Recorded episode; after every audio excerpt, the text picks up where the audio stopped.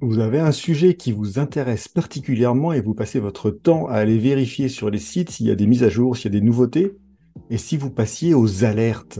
Bonjour, on est sur J'ai pas le temps pour ça, le podcast présenté par Eric Boucher, où je vous propose des trucs, des astuces, des méthodes, des outils pour être plus efficace au quotidien et terminer la journée plus tranquillement.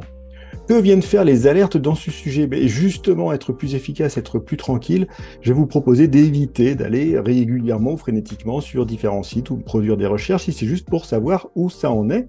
Les alertes, elles vont servir à ça. Ça correspond grosso modo à des recherches enregistrées, sauvegardées, qui vont se déclencher exprès pour vous quand le sujet vient à sortir. Il y a un fournisseur d'alerte très connu qui s'appelle Google, et le service s'appelle Google Alert, sans grande surprise, dans lequel vous allez rentrer votre mot-clé et ensuite un certain nombre d'éléments, votre mot-clé ou vos mots-clés bien sûr, les sources, la langue sur laquelle vous voulez rechercher, dans quelle région, le nombre de résultats et le flux RSS ou l'adresse email suivant l'endroit où vous voulez l'envoyer. Un exemple pour ceux qui regardent la vidéo de ce podcast, pour ceux qui l'écoutent, je vous en parle. J'ai mis une recherche sur Tiago Forte, par exemple, qui est l'auteur du livre Construire son second cerveau. Et euh, Google me sort naturellement tous les résultats qui vont correspondre. Point subtil, je n'ai pas mis de guillemets, et donc j'ai Thiago et Forte qui ressortent séparément. Si je rajoute des guillemets, je vais avoir exactement ce dont j'ai besoin. Donc Monsieur Thiago Forte, l'auteur du livre. Dans Google Alert, je vais pouvoir spécifier aussi un certain nombre d'options, donc notamment sur quelle source il va travailler, blog, article, web, livre, etc.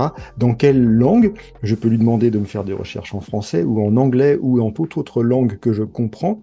Et euh, en fait, je vais dans ce cas créer plusieurs alertes. Soit je dis toutes les langues et ça peut être un peu beaucoup, soit je vais faire une alerte par langue, ce qui m'était arrivé dans le passé. J'avais fait une alerte en français, une alerte en anglais pour ne rien louper. Donc vous pouvez totalement faire ça.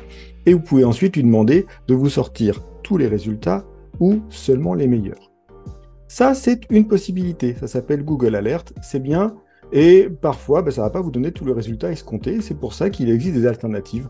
L'une des alternatives les plus connues et gratuites également, parce que Google Alert était gratuit, s'appelle Talkwalker Alert. Talkwalker ne fait pas que ça, il s'occupe aussi de solutions pour les réseaux sociaux, mais il a une solution d'alerte qui, comme Google est gratuit et euh, qui ressemble beaucoup à la solution Google dans son approche. On va de la même manière définir un ou des mots-clés et de la même manière définir les résultats.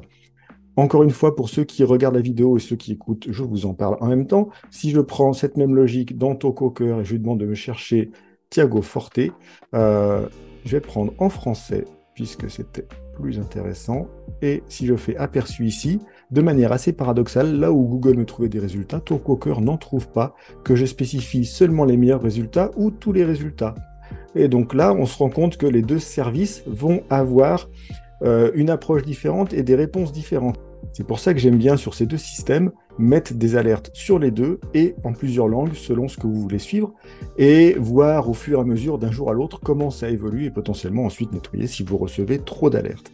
Euh, donc c'est un peu l'idée, construire un système qui va vous permettre d'avoir une notification automatique mais pas trop quand vous allez avoir besoin d'informations. Donc voilà, c'était les alertes pour J'ai pas le temps pour ça.